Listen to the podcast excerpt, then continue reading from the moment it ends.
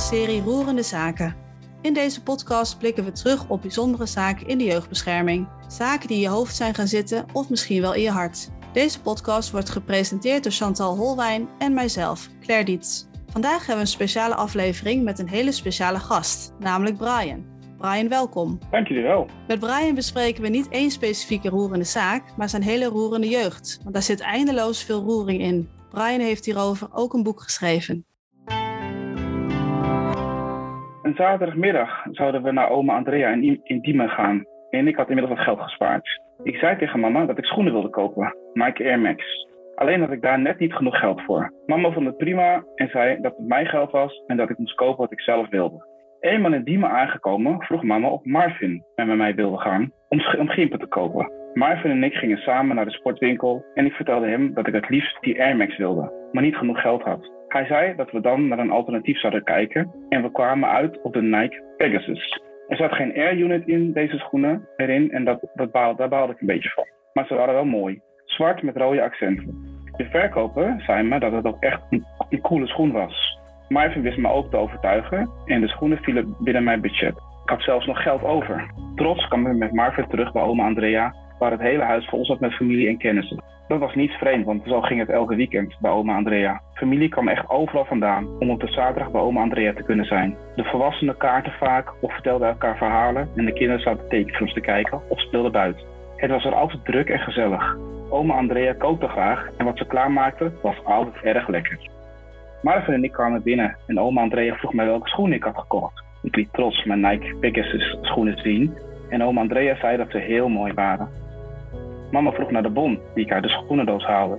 Ze keek naar de bon en vroeg mij wat de rest van mijn geld was. Ik had een zwarte Nike portemonnee met klittenband en die pakte ik uit mijn zak. Ik merkte aan mama dat ze boos was, omdat ze mijn portemonnee bruut uit mijn hand trok, telde mijn geld en zei dat ik te veel geld had uitgegeven.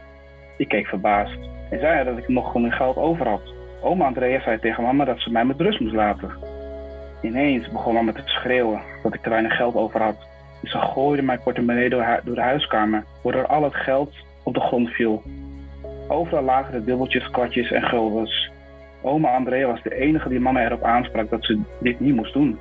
Verder trok niemand zijn mond open. Mijn neefjes en nichtjes en broertjes zaten erom te lachen. Oma Andrea keek hem boos aan, waarna ze stopte met lachen. Mama ging ondertussen verder met tieren. Ze riep dat ik niet met geld om kon gaan omdat ik te dure schoenen had gekocht. Ze wilde dat ik ze terugbracht. Terwijl ik mijn geld van de grond raapte, rolden de tranen over mijn wangen. Ik wist niet wat meer pijn deed. Dat ik van mama mijn nieuwe schoenen terug moest brengen naar de winkel of dat ze al mijn geld zo door de huiskamer smeet. Voor mama leek het een spel om mij steeds weer opnieuw te kijk te zetten voor vrienden en familie. Ze leek ervan te genieten.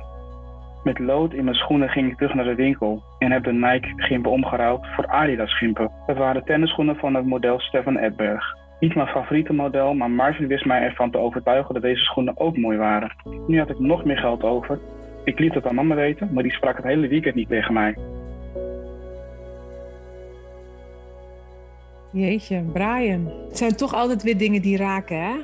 Ja, als ik het, uh, als ik het lees inderdaad, dan uh, uh, ja, dat beeld komt weer terug. En dan denk ik van, waarom deed ze dat nou, weet je wel? Ik snap het niet. En om um, de luisteraar toch een beetje mee te nemen, want beginnen we eigenlijk deze podcast ook zoals dat je boek is, hè? Eigenlijk soort van meteen de diepte in. Misschien is het toch nog even goed om te vertellen wie je bent, naast hoe je heet, wie je bent, hoe oud je bent. En dat je ons daarna een beetje mee kan nemen in hoe de gezinssituatie eruit zag. Ja, ik, uh, mijn naam is Brian van Russel. Ik ben uh, 47 jaar. Ik had een, heb een, broertje en een zusje. En een, een, een, moeder en een vader. Eigenlijk een normaal doorsnee gezin. Ik wist nog een heleboel niet, zeg maar, over mijn verleden. Ik dacht dat ik het allemaal al wist, maar pas na een paar jaar kwam ik, kwam ik achter wat, ja, wat, wat minder leuke dingen. Ik, ik, was, ik was destijds was ik jaar of 15 en um, op mijn achttiende kwam ik erachter dat de man die ik altijd zeg maar, zag als mijn vader, dat hij mijn uh, biologische vader niet was. En dat, daar kwam ik op een hele lullige manier kwam erachter. En mijn moeder die vertelde uiteindelijk dat, zij, um, dat ze was verkracht en dat ik daaruit voort was gekomen. En dan ben je 18 en dan krijg je dat mee. Ja, dan uh, je willen stort ineen. Dus ja, dat was een hele moeilijke tijd. Ik begreep heel veel dingen niet die ik nu wel wat, wat beter begrijp. Ik heb mijn ouders ook heel, heel, ja, ook al heel lang niet, uh, niet verteld dat ik, uh, dat ik op hele jonge leeftijd was misbruikt. Dat wisten ze toen ook niet. Degene die mij had misbruikt, die was ook echt heel erg uh, zichtbaar in de familie. Dus die kwam ik ook regelmatig tegen. En ik liet helemaal niet zien dat ik wist wat ik nog wist. In de hoop dat hij dat ook vergat of hier niet, niet aan dacht. Uit wat voor familie kwam je? Was je familie warm? Hoe, hoe gingen jullie met elkaar om thuis? De familie zelf, dus als ik kijk naar het gezin, echt, ik zag mezelf echt als een zwart schaap, op een vrij jonge leeftijd al. Omdat het toch anders werd behandeld als mijn, broertje en mijn zusje. Ja, ik, ik heb gewoon hele andere dingen gezien en meegemaakt dan, uh, dan die twee. Puur even over de klappen of uh, straffen krijgen. Dat ging, bij mij was het vele malen erger dan, bij, dan bij de andere twee. Maar als ik kijk naar de familie, zeg maar, dus de, de, de mensen daaromheen, echt een vrij warme familie. Het was gewoon fijn om bij elkaar te zijn. Zo gingen wij elk weekend gingen we naar, naar mijn oma toe snoepjes en, en tekenfilms en lekkere broodjes. Maar zodra je dan zeg maar zondag weer naar huis ging, begon de ellende weer, zeg maar, tot de vrijdag. Dan was het weer oké. Als je terugkijkt dan op je jeugd, hoe omschrijf jij die dan? Onrustig. Ik ben best vaak verhuisd. Ik heb veel scholen gezien. Ik heb, uh, veel, uh, ik heb mijn zwemdiploma nooit kunnen behalen. Dat komt gewoon omdat we zo vaak zijn verhuisd. Ik heb een hele angstige tijd uh, meegemaakt. En dan heb ik het puur over thuis, de thuissituatie. Maar waar was ik zeg maar buiten mijn andere oma, zeg maar, waar ik een poos heb gewoond, voel ik weer de warmte en dan voel ik weer het er mogen zijn. Mijn ooms die zeg maar, zich bezighielden met auto's en met, met muziek. Dat heeft mij ook uh, enigszins gevormd. Uh, dus dat was wel heel fijn. Het was puur de thuissituatie die gewoon niet, ja, die niet altijd fijn was. en natuurlijk waren er ook wel momenten dat je dan als gezin tv zit te kijken. De, de, de, de Soundmix Show van vroeger, of de Mini Playback Show, rond Honeymoon weet je, die tijd. Ja, dan, dan is het een zaterdagavond best, was het best wel gezellig. Totdat mijn moeder weer een kortsluiting kreeg, noem ik het maar eventjes. En ik dan, uh, ik dan, dan uh, het, het, slachtoffer was. In dat boek beschrijf je eigenlijk uh, hoe jouw jeugd van jonge leeftijd tot aan meerderjarigheid eruit zag, waarin veel mishandeling, misbruik, liefde, verwarring, familiegeheimen, alles door elkaar heen gaat. Klopt. Ook voor de luisteraars, hè, want ik kan me voorstellen dat ze denken: oké, maar wat is er dan gebeurd? Hè? Uiteraard, luisteraars, jullie moeten het boek lezen. Maar zou je ons een beetje mee kunnen nemen in wat was er dan zo erg? Wat deed je moeder? Wanneer begon het? Neem, neem ons een beetje mee, zodat ook de luisteraar het, het kan volgen. Hè? Ja, ja, ik, ik kwam op een gegeven moment kwam ik uh, met, mijn, met mijn moeder dan uh, en mijn stiefvader kwam ik, uh, heb ik verschillende huizen heb ik gewoond in, in, in Utrecht. En op al die adressen, zeg maar, al die woningen, ja, zijn mijn, dat zijn de hoofdstukken van mijn boek. Maar daar is steeds wat gebeurd met mij, wat mij heeft gevormd. Op jonge leeftijd al, al misbruikt, mishandeld door mijn moeder dat beschrijf ik in elk hoofdstuk. Het, het was een, een, een, behoorlijke ongewone situatie en uh, vrij heftig en pijnlijk ook. Mijn moeder heeft dat allemaal niet, uh, niet ingezien, maar zij heeft bij mij alsmaar mishandeld, uh, fysiek, mentaal. Ja, dat heeft mij op een, op een bepaalde manier gevormd, waardoor ik het behoorlijk moeilijk had en ik, ik eigenlijk een soort van een clownsgezicht opzette in de, voor de buitenwereld en binnen thuis gewoon echt een, een, een bang persoon was. Want jouw titel van het boek, dat roept ook heel veel vragen op. Ongewild, ongeliefd, ongebroken. Ik hoor jou al veel zeggen over veel onveiligheid, mishandeling, misbruik. Dat ongebroken stuk, dat roept mij, eh, bij mij wel vragen op. Kan je daar wat over vertellen? Zeker. Ik, ik ehm, weet en uh, heb ook wel gezien dat mensen, zeg maar, vanwege hetgeen wat ze hebben meegemaakt, dat ze daardoor uh, ja, toch breken. Uh, dat ze daardoor toch uh, de verkeerde kant op gaan. En de verkeerde kant bedoelen dan aan, aan, de, aan de verdovende middelen gaan of, of toch in een, met justitie in aanraking komen. Um, ja, dat is in mijn geval niet, niet aan de orde. Ik heb mij niet laten breken door mijn, mijn situatie. Ik um, heb eigenlijk op vroege leeftijd al tegen mezelf gezegd van nou, dit wil ik niet voor, me, voor mijn eigen kinderen. Ik zal mijn kinderen nooit gaan slaan. Ik zal mijn kinderen nooit misbruiken. Ik zal ze ook niet pijn doen, in welke vorm dan ook. En hoe is jou dat gelukt? Ik hoor vaak natuurlijk kinderen die zelf slachtoffer zijn van mishandeling of misbruik. Dan zeg je, hè, dit, dit zou ik nooit willen. Helaas zien we toch ook in de realiteit dat er vaak een herhaling is van generatie op generatie. En het is jou gelukt om dat wel te doorbreken. Ja, het is, het is ook niet, niet makkelijk hoor. Dat moet ik ook wel bij zeggen. Het is ook niet, niet dat ik van de een op de andere dag zo, nou, dit, ja, ik, ik heb het niet zo ver laten komen, denk ik. Ik, ik, ik kan wel eens boos worden op, op mijn kinderen, maar ik laat het niet zo ver komen dat ik iets, dat ik een voorwerp pak om hen te slaan. Of dat ik denk van nou, ik ga je nu een tik verkopen. En voor mijn gevoel, dat is hoe ik denk over, uh, over slaan, ik, het, het, brengt niets. Je, je, kan, je kunt het beste met, met vind ik, uh, met je kind praten en je, je kind wijzen van nou, dit is fout, dit is niet goed. Tuurlijk, je kan boos worden, maar om echt nou te zeggen van nou, ik ga mijn kind slaan.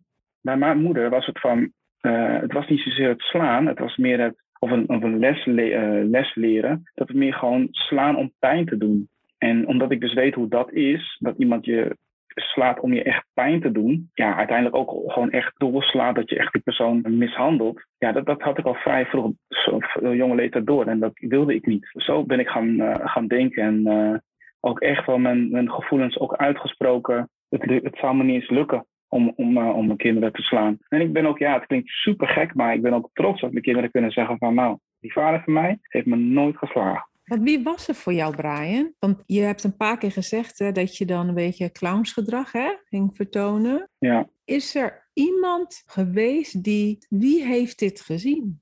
Dat is eh, best gek. Eigenlijk heeft iedereen het gezien. Maar dat hoorde ik ook op latere leeftijd van ja, je moeder deed altijd wel een beetje raar tegen jou. Of anders uh, bij de tegen de andere kinderen. Waardoor ik altijd zoiets had van ja, had dan je mond opengetrokken, had er wat gedaan. Maar wie er voor me was, was uh, mijn oma, waar ik net over, uh, over voorlas. Die beschermde mij altijd, zoals er altijd. Die zou veel, laat de jongen met rust, blijf van die jongen af. Ze ging ook echt tussen mij en mijn vader of mij en mijn moeder staan. En uh, zij beschermde me echt en ze nam me echt onder, onder haar uh, hoede. Dus zij was, uh, was er voor me. En kijk, mijn moeder was best wel genieperig. Ze deed het, zeg maar, deed de dingen wanneer er geen mensen in de buurt waren. Dus ja, zo zag ze haar kans, zeg maar, om te doen wat ze wilde doen. Op de momenten dat, dat, er, dat, dat ze dat niet kon, ja, dan was het bezoek of ja, ben je in een bepaalde situatie of op straat of iets, zodat ze dan zeg maar niks kan doen. Want mijn moeder was niet de persoon die zeg maar, mij op straat of in het bijzijn van anderen sloeg. Nee, dat, dat, deed ze gewoon niet. De keren dat ze dat wel deden, wilde doen, was mijn oma er altijd. Andere familieleden dan, hè? want je zegt uh, niemand, maar tegelijk ook iedereen. Ja, dat is, dat is de typische kop in het zand steken. Wat ik zeg, ik, ik hoorde er later lezen van mij, dat mensen vond, ja, ik uh, vond je moeder altijd al gemeen tegen jou doen. Uh, waar ik, ik, ook vroeg, als volwassene dan, hè, van ja, maar waar was je dan? Waarom deed je dat niet? En dan of ja, we waren bang voor je moeder. Of ja, weet je wel, we niet bemoeien, want straks hebben wij het gedaan. En dat is voor de Surinamers dus dat echt heel typerend. Je kop in het zand steken. Doen alsof je het niet ziet. Doen alsof je er niet bij bent. Terwijl je gewoon echt een kind kunt beschermen door eventjes je mond open te trekken. Door eventjes te zeggen van hallo, wat ben je aan het doen? Laat die jongen met rust. Ik heb een, een, tante die zei tegen mij van ja, in de zomervakantie, dan uh, kan ik je wel halen hoor, want ja, dan bleef je gewoon bij mij. Ja, oké, dat was dus in de zomervakantie, wat ik me niet kan herinneren, maar goed. Um, maar dat was dus haar manier van ja, ik ga mij ontfermen over Brian. Maar nee, Weet je, mensen zitten erbij, ze kijken ernaar, uh, ze gniffelen een beetje, want ja, sommigen vinden het ook wel leedvermaak. Nee, niemand. Denk je dat mensen het uh, leedvermaak vonden? Jazeker, want uh, ik heb ook echt wel, echt wel gemerkt dat wanneer mijn moeder me aansprak, hè, we waren bij mijn oma, en mijn moeder sprak me aan om waar het dan ook over ging. En, en, en het was niet zozeer aanspreken, maar het is echt wel tegen me schreeuwen. Hè, en uh, me te kijken willen zetten, dat er ook echt wel mensen in de huiskamer zaten te lachen, te gniffelen. Dan kijk je naar de tafel en dan zie je gewoon dat er volwassenen zitten te, te gniffelen. Ja, die zagen er echt wel als leed van maken. Je zei, het is wel typerend Surinaams om daar je kop in zand te steken. Ja. Is het echt, zeg maar, cultuur bepaald? Hoe de familie hiermee om is gegaan, denk jij? Nou, ik ben, ik ben natuurlijk van Surinaamse komaf, dus ik, ik uh, kan natuurlijk alleen maar spreken van de, de Surinamers. Maar ik heb Nederlandse vrienden gehad, die kennen dit gewoon niet. Dus sterker nog, toen ik zeg maar het huis uitging, woon ik bij een, een Nederlandse vriend van mij, Kees. En zijn moeder die heeft zich echt over mij ontfermd. Die zei ook gewoon van, uh, wat je moeder doet kan helemaal niet. En waar was de politie? En waar was dit? En waar waren die? Die ging ook echt vragen stellen ik lees dus in jouw boek natuurlijk ook heel veel die positie van je moeder, zeg maar, in, die, in, in de familie. Dus dat zij inderdaad, bij wijze van spreken, gewoon alle ruimte kreeg om jou zo aan te pakken, zo hard aan te pakken. Mm-hmm. En ik vraag mij dan ook af, hè, is die, die familiesituatie, mm-hmm. is dat dan ook de situatie waarin dus meer risico is voor mishandeling of voor misbruik? Zeker, want als jij een bepaalde positie hebt in de familie, waardoor iedereen naar jou luistert of iedereen doet wat je zegt, ja, dan zal men jou niet, niet, niet snel uh, tegenspreken. En kijk, de situatie die ik zojuist beschreef was dan bij mijn oma uh, in, uh, van, van mijn stiefvaderskant, dus zijn moeder. Maar hetzelfde gebeurde gewoon bij mijn moeders moeder. En daar werd zij ook gewoon niet onderbroken. Of niemand die tegen haar zei van joh, blijf, laat de jongen met rust, blijf van hem af. Of niemand die tegen haar zei. Zij heeft een bepaalde rol in de, in de familie. Waardoor men niet, haar niet snel tegenspreekt. Ben je daar ooit achter gekomen wat, hoe dat kan? Dat jouw moeder die positie heeft? Nee, ik ben er nooit, uh, nooit achter gekomen. Kijk, ik weet wel dat mijn moeder de oudste is van mijn moeders moeder. Dus ze is wel het oudste kind van mijn oma. En ja, ze was de partner van het oudste kind van mijn andere oma. Ja, wellicht dat dat het was. Los van alles heeft zij ook een, uh, kon ze heel lief zijn naar haar neefjes en nichtjes. Ja, had men haar toch ook wel hoog zitten. Snap je? Dus ja, zij heeft zich zeg maar naar een bepaalde positie uh, toegewerkt. Waardoor ze eigenlijk, ja... Ze keken naar de op.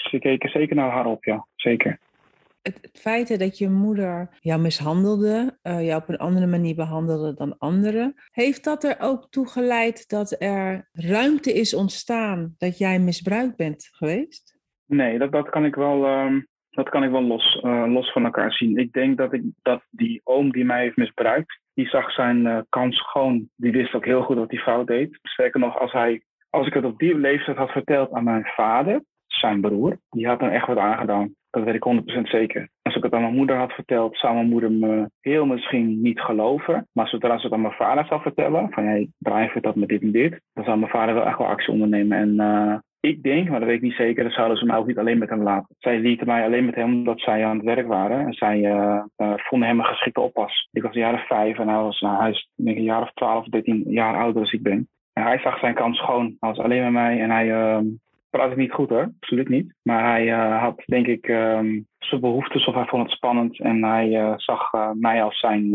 als zijn slachtoffer. Dat is wat ik denk. En jij vertrouwde hem? Ik vertrouwde hem volledig volledig. En dat komt omdat mijn ouders hem vertrouwden. Hè? Dus dat is ook wel iets, iets heel, ik denk Surinaams, I don't know. Maar als je ouders iemand vertrouwen, of je moeder dan hè, iemand vertrouwt, wie ben je als kind om die persoon niet te vertrouwen? Je zou ongetwijfeld je, ja, wij Surinamers noemen dat skifiri, je, je, je intuïtie. onderbuikgevoel, ja, of intuïtie hebben, inderdaad. inderdaad. Maar dan, ja, op die jongen, op die leeftijd, dan, dan, dan doe je alles wat je moeder je zegt. Of, uh, wat, wat je, je volgt je moeder in die zin. En ik was toen vijf. Mijn moeder heeft, heeft, uh, heeft toen ook niet met mij een soort van band gecreëerd van uh, hè, hoe ik dat zeg maar had gewild van nou, je uh, moeder komt van het werk en gaat eens met kind zitten van joh, was je dag? Heb je een leuke dag gehad? heb je leuke tekeningen gemaakt? Wat heb je geleerd? En dat soort momentjes had ik totaal niet met mijn moeder. Maar had ik dat wel gehad, dan had ik ook zeker dat kunnen vertellen aan mijn moeder wat er was gebeurd. En mijn oom, die wist dat gewoon. Die zag dat. Die zag dat er geen band tussen die twee. En die heeft gewoon die heeft, heeft misbruik gemaakt van de situatie zeg je eigenlijk hiermee, hè, ook als boodschap, of ik haal het er eigenlijk uit, hè, als boodschap voor ouders, dat het belangrijk is om toch aandacht voor je kind te hebben, een band met je kind op te bouwen. Omdat als je die niet hebt, dat daar dus ruimte ontstaat voor een ander om daar misbruik van te maken, op wat voor manier dan ook, richting een kind. 100 procent het is heel belangrijk dat je eventjes met je kind zit, even vraagt, joh, hoe was je dag? Wat vond je leuk? Uh, hoe vonden ze je kleren? Noem maar wat. Maar even die band creëren, want en dan, ja, je, ma je maakt die band gewoon heel sterk. Dat is bij mij gewoon totaal niet gebeurd. Wat is de rol van jouw vader? Ik hoor je zeggen, hè, mijn oma was nog wel degene die mij beschermde. Ik in het boek lees ik ook eigenlijk, je vader leek ene kant heel erg de, de rustige man te zijn, met wie je ergens toch een soort van veiligheid voelde. Maar uiteindelijk die heeft hij ook heel hard in de steek gelaten op momenten dat je moeder hè, de ruimte kreeg om jou te mishandelen. Of hij moest jou ook nog klappen verkopen omdat je, omdat je moeder hem toedwong. Dus het voelt heel erg dan, uh, aan de ene kant schrijf je ook over hem van ja, hij zat ook eigenlijk een beetje onder de plak bij mijn moeder. Ik kon geen kant op. Dat komt bij mij een beetje over van ook dat hij een soort slachtoffer was van je moeder. Mm -hmm. Aan de andere kant denk ik dan, maar het is toch ook wel je ouder. Ja. Had jij daarin ook wat anders nog verwacht van jouw vader? Of zie jij hem ook als een slachtoffer in die situatie? Nou, ik zie hem niet zozeer als een slachtoffer, want met een volwassen man vind ik dat je zelf wel uh, in kan zien wanneer je iets niet juist is, zeg maar. Dus je, je, je, zou niks tegen je zin in moeten doen. Maar mijn vader was, hij was er, zeker, hij was, hij was aanwezig. Ook hij zei wel eens tegen mijn moeder, je moet er niet op zijn hoofd slaan. Dat zei hij heel vaak, je moet er niet op zijn hoofd slaan. Niet van, sla hem niet. Maar als je slaat, sla hem niet op zijn hoofd. Dat zei hij altijd. Wat bedoelde hij daar dan mee? Ik zou dus zichtbare, zichtbare plekken hebben, waardoor men kon zien van, nou ja, hij, hij heeft gewoon klappen gehad. En natuurlijk, hè, mijn moeder kon dan iets breken. Als je kind op op zijn hoofd slaat, ja, dan kan je echt wel schade toebrengen. En dat wilde hij uh, niet. Uh, maar ja, je ziet ook echt wel zichtbaar dat ik ben geslagen. Dus ja, je, uh, vul er maar in. Niemand, niemand hoeft dat gewoon te weten. Ook met hem had ik geen, geen band. De band die ik met hem kreeg, die ontstond pas later. Toen hij en mijn moeder al uit elkaar waren. En hoe waren ze voor je broertje en je zusje? Broertje, mijn zusje, ja, anders. Mijn vader was wel een knuffelaar met vooral mijn zusje. Dat heb ik echt wel, wel gezien. Mijn broertje heeft hij ook wel echt wel momenten gehad dat die, uh, dat, dat die twee met elkaar optrokken. Ja, zo. En je moeder? Hoe reageerde zij richting hun? Mijn broertje, die zit tussen mij en mijn zusje in. Die werd altijd gezien als het slimme kind, als het mooie kind. Je moet je voorstellen dat ik, ik heb een andere biologische vader. Zijn huid is veel donkerder dan de, de huid van mijn stiefvader. Dus mijn moeder kreeg lichtere kinderen met mijn stiefvader. En ja, kennelijk was dat al een, een, een uh, iets wat, wat ze heel belangrijk vonden of heel fijn vonden. Want ze vonden hun heel erg mooi. Dus mijn broertje werd echt gezien als het mooie kind. En later, ook toen hij wat ouder was, uh, ook gezien als het slimme kind. Ik heb echt heel vaak te horen gekregen dat, hij, dat ik dom ben en dat hij heel slim is. Mijn zusje, ja, die is natuurlijk het lievelingetje, want die is een nakomelingetje, een meisje. En die werd helemaal, uh, die werd helemaal aan de watten gelegd. Die twee kennen gewoon geen klappen. die twee kennen dat gewoon niet. Wat heeft het betekend voor de band tussen jullie? Want je wordt ouder en dan gaat het ook opvallen. Ja, het gaat opvallen inderdaad. En helemaal als je dan een, als kind hè, gezien wordt als het mooie kind, het slimme kind. Dan heb ik het even mijn, mijn broertje. Dan voel je je beter dan de rest. Althans, beter dan je broer. En hij geloofde er ook in dat hij het slimme kind was. En daar ontstond wrijving tussen mij en hem. Even zeg maar terug naar jouw moeder, want we hadden net een stukje over het vertrouwen hè, in de ander. Je zegt, ik heb eigenlijk mijn moeder nooit vertrouwd. We hebben nooit een band opgebouwd. En in jouw boek schrijf jij wel eigenlijk van, mijn moeder sprak de waarheid. Voor mij was mijn moeder degene die altijd de waarheid sprak. Dat was een soort feit. Terwijl eigenlijk in haar gedrag was ze heel onbetrouwbaar en heel onveilig. Hoe werkt dat in jouw hoofd? Hoe werkt dat voor een kind? In mijn geval was dat uh, omdat op de een of andere manier werd mij geleerd dat je moeder alles weet en je, en je, moeder ook alles kan. Je moeder is degene naar wie je als eerste toe gaat. Als zit je vader in de huiskamer, dan gaat altijd eerst naar je moeder toe. Mama dit, mama dat. Dat klopt. Ja, nou, dat is, dat, dat is, dat is hoe, hoe, het bij mij ook altijd ging. En, en mijn moeder was ook wel wat, wat was, uh, spraakzamer dan mijn vader. Ze was wat verder in haar in, in het lezen en schrijven, noem maar, maar even zo, dan, dan mijn vader was. Dus zij gaf ook altijd echt mij het gevoel van, nou, zij weet alles. Ze is echt super slim. Dus ja, wanneer mijn moeder iets zei, hè, uh, van ja, je kan dit niet of je, je wordt dit niet. Want ik zei bijvoorbeeld vroeger dat ik uh, uh, vroeger had ik altijd zeg maar, een soort van ambitie bij jonge, hele jonge leeftijd om advocaat te worden. En nou, als mijn moeder dat hoorde, dan begon ze me helemaal uit te lachen. En dat geloof je dan ook. Hè? Ze zei van ja, jij, je bent hartstikke dom. Hoe ga je dat doen? Ja, daar geloof je in. Ik had niet iets in mijn systeem dat zei van nou, nee hoor, helemaal niet. Dat klopt. Nee, ik geloof dat. Ik had ook niet eens de vechtlust om te laten zien van nou, ik kan het wel. Dat zat niet in mij, want mijn moeder heeft mij zo klein gemaakt door dit soort dingen te zeggen. Waardoor ik er ook echt in ben gaan geloven. Wat doet dat dan met jouw vertrouwen in de ander? In het vertrouwen van bijvoorbeeld vriendschappen of liefdesrelaties? Ik heb ingezien dat ik, mijn, dat ik het vertrouwen in andere anderen ben gaan zoeken. Wel op wat latere leeftijd, dus na mijn zeventiende. Vertrouwen en liefde ben ik in andere mensen gaan zoeken. En ja, die gaven me dat dan ook enigszins. Ik uh, zocht dus erkenning bij anderen. Want die geloofden het wel, die, zagen, die vonden me wel geweldig, die vonden me wel grappig, die vonden me wel leuk. En zo ben ik zeg maar ja, door het leven gegaan. Omdat ik eh, zag dat ik mijn moeder niet, niet kon vertrouwen. Ik kon haar niet overtuigen dat ik ook slim was. Dat ik ook uh, mooi kon zijn. Ja, dan zocht ik het bij andere mensen. Maar die vonden me wel mooi of die vonden me wel slim.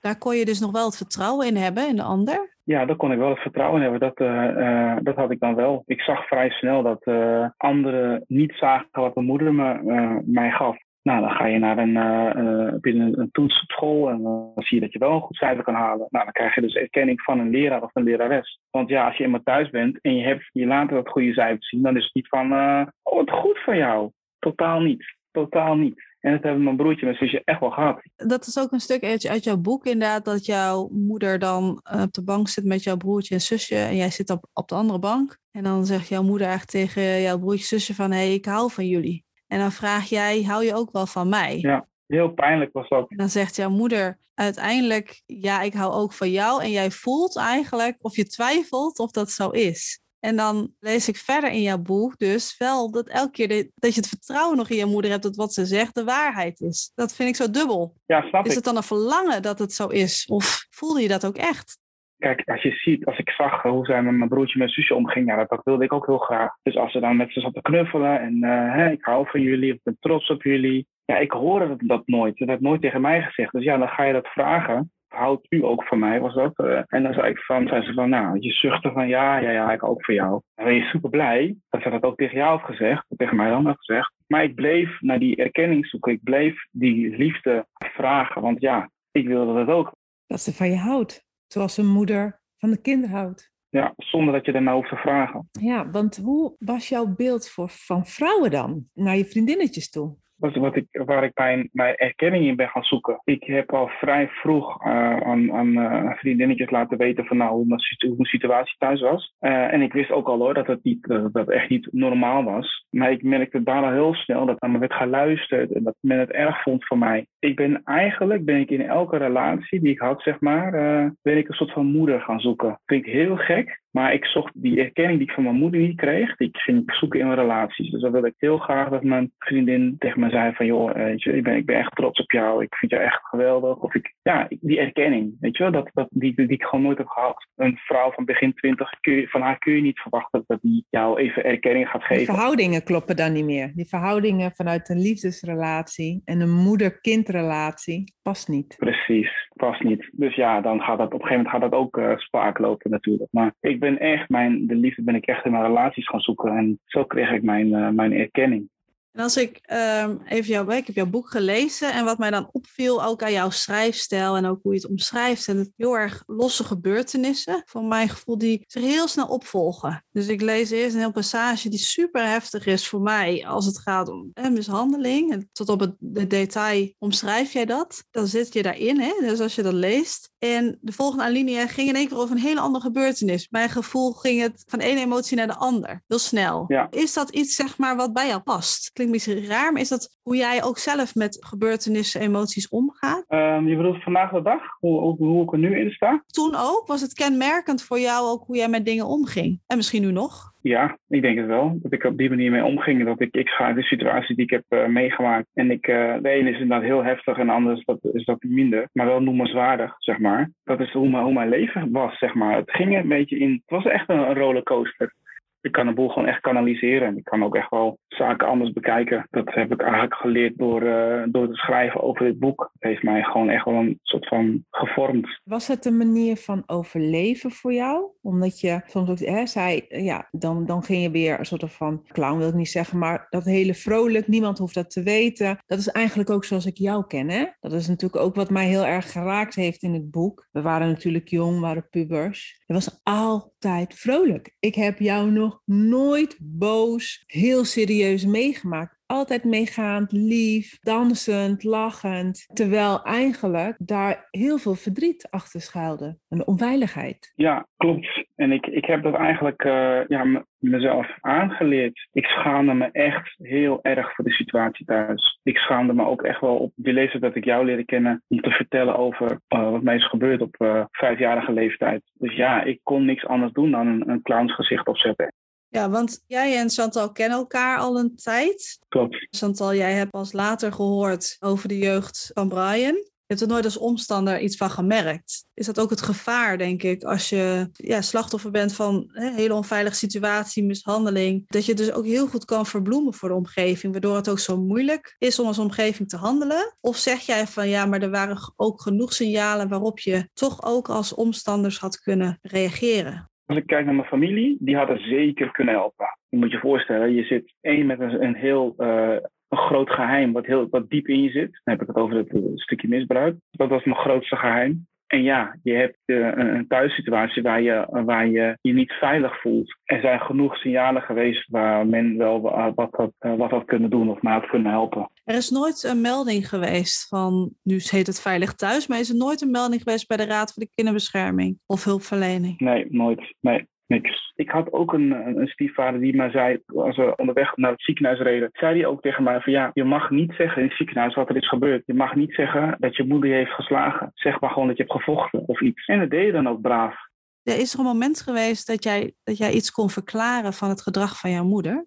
Nou, weet je, men, um, men, mijn oma zei, of ik hoorde wel dat mijn moeder zelf ook het een en ander had meegemaakt, zeg maar. Dus door, door mijn oma dat ze veel is geslagen en, en dat, dat mijn oma heel streng was uh, enzovoort. Dat zou ik wel enigszins kunnen verklaren. Daarom zou je enigszins kunnen verklaren dat, uh, dat, je, dat men kan begrijpen dat ze zo zou, uh, zo zou doen. Ik, ik weet het gewoon niet, maar ik, ik weet wel dat mijn moeder zelf gewoon geen, geen makkelijke jeugd heeft gehad. Want hoe is het nu met jou nadat jij dat boek hebt uitgebracht? Je brengt dan heel veel naar buiten voor jezelf, maar ook voor je familie. Hoe heeft jouw familie daarop gereageerd? Ja, heel confronterend. Uh, er zijn mensen in de familie die ook echt zeggen van ja, wat Brian schrijft, dat klopt van A tot Z. Natuurlijk is het de oom die mij heeft misbruikt, die zegt dat het niet waar is. Want ja, die heeft natuurlijk, uh, die heeft natuurlijk uh, er staat genoeg op het, op het spel voor de beste man. Dus ja, er is, er is verdeeldheid onderling. Ik heb met niemand overigens contact. Het was in het begin best gek. Maar ik moet zeggen dat ik me nu uh, daar best wel goed bij voel. Ja, ik heb een hele kleine, kleine cirkel. Dat vind ik echt wel heel, uh, heel prettig. En ja, ik ben ook uh, erg vergevensgezind. Zo sta ik ook echt in het leven. Het is ook iets wat mijn oma mee heeft meegegeven. Van, je moet uh, vergeven. En dat, dat lukt mij ook echt. Ik vergeet het niet, maar het vergeven, dat is hem echt gelukt. Wat betekent dat? Ik kan me voorstellen als mensen, want je schrijft ook in je boek aan het einde. Als ik daar nu aan terugdenk, ben ik niet meer boos, niet meer verdrietig en ik heb het ze allemaal vergeven. Wat betekent dat? Dat betekent voor mij eigenlijk dat als ik, ik leef niet met woede of met boos of,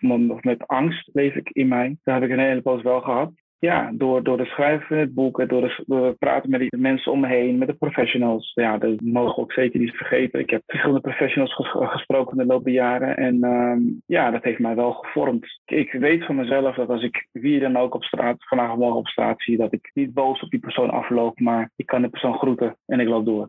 Ik weet dat ik, nou, als ik naar mijn kinderen kijk, ik vind mijn rol als vader vind ik geweldig. Ik zie ook wat mijn kinderen aan me hebben. Ik weet ook wat ik ze kan geven. Alleen daarvoor zou ik, zou ik en ieder al moeten vergeven. Dus het vergeven is ook vooral ook voor jezelf en voor jou, nou, jouw kinderen. En niet zozeer ja. dat het de ander wat brengt. Of je doet het niet voor de ander. Ik doe het zeker niet voor de ander. Nee, ik doe het voor mezelf. En natuurlijk, zo sta ik dan ook alweer in. Als ik de ander zou, ergens mee zou kunnen helpen, ben ik echt de broers niet. We hoeven niet meer te praten over het verleden. Het verleden dat is, dat is, dat is, dat is, is gedaan. Dat komt toch niet meer terug. Je hebt het boek vooral geschreven ook voor je eigen verwerkingsproces maar ook om anderen te helpen of te bemoedigen. Schrijf je ook in het begin van, uh, van jouw boek. Wat is er op jou afgekomen nadat je boek is uitge uitgebracht? Nou, behoorlijk veel, moet ik zeggen. Er zijn behoorlijk uh, wat mensen die mij via uh, social media hebben benaderd met een, een verhaal over hun situatie. En ehm, dat zij door het lezen van dit boek, dat zij ehm, stap durven te nemen om hulp te zoeken. Of dat ze de stap durven te nemen om met de persoon in kwestie die hun iets heeft aangedaan, om daarmee in gesprek te gaan. Mensen voelen zich gesterkt door, door, door mijn verhaal. Kijk, uh, elk verhaal is, uh, is even heftig. Er is, geen, er is daar helemaal geen, geen onderscheid in. Ik heb wel verhalen gehoord dat ik wel eventjes, ja, daar ben ik wel even stil van. En als je dan hoort van ja, mede door jouw boek heb ik hulp gezocht. Volg nu NDR, ik praat nu met een psycholoog of ik heb blijf van mijn kind af. Ja, dan word je wel even stil van. Mooi, dus dit heeft ook echt wel impact gehad op andermans leven. Weet je, Brian, weet je, deze podcastserie heet Roerende Zaken. Je verhaal heeft mij geroerd. Is elke keer weer, als ik eraan denk of nu we het erover hebben. Ja, het, het blijft ongrijpbaar. En, en ik denk dat niemand zou kunnen begrijpen wat daar precies gebeurd is, hoe het heeft kunnen gebeuren. Het zou mooi zijn als we met z'n allen gewoon uh, ervoor kunnen zorgen dat uh, er niet nog een keer een, uh, nog een Brian is die, die dit soort dingen meemaakt.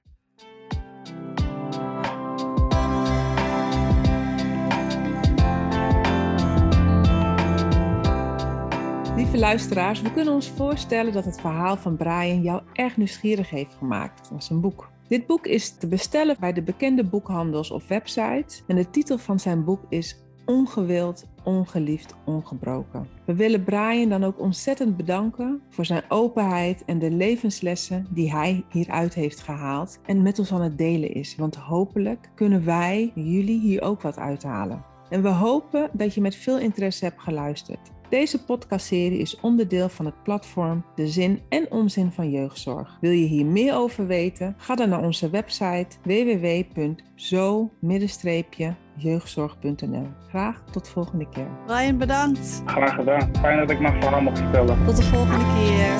Doei.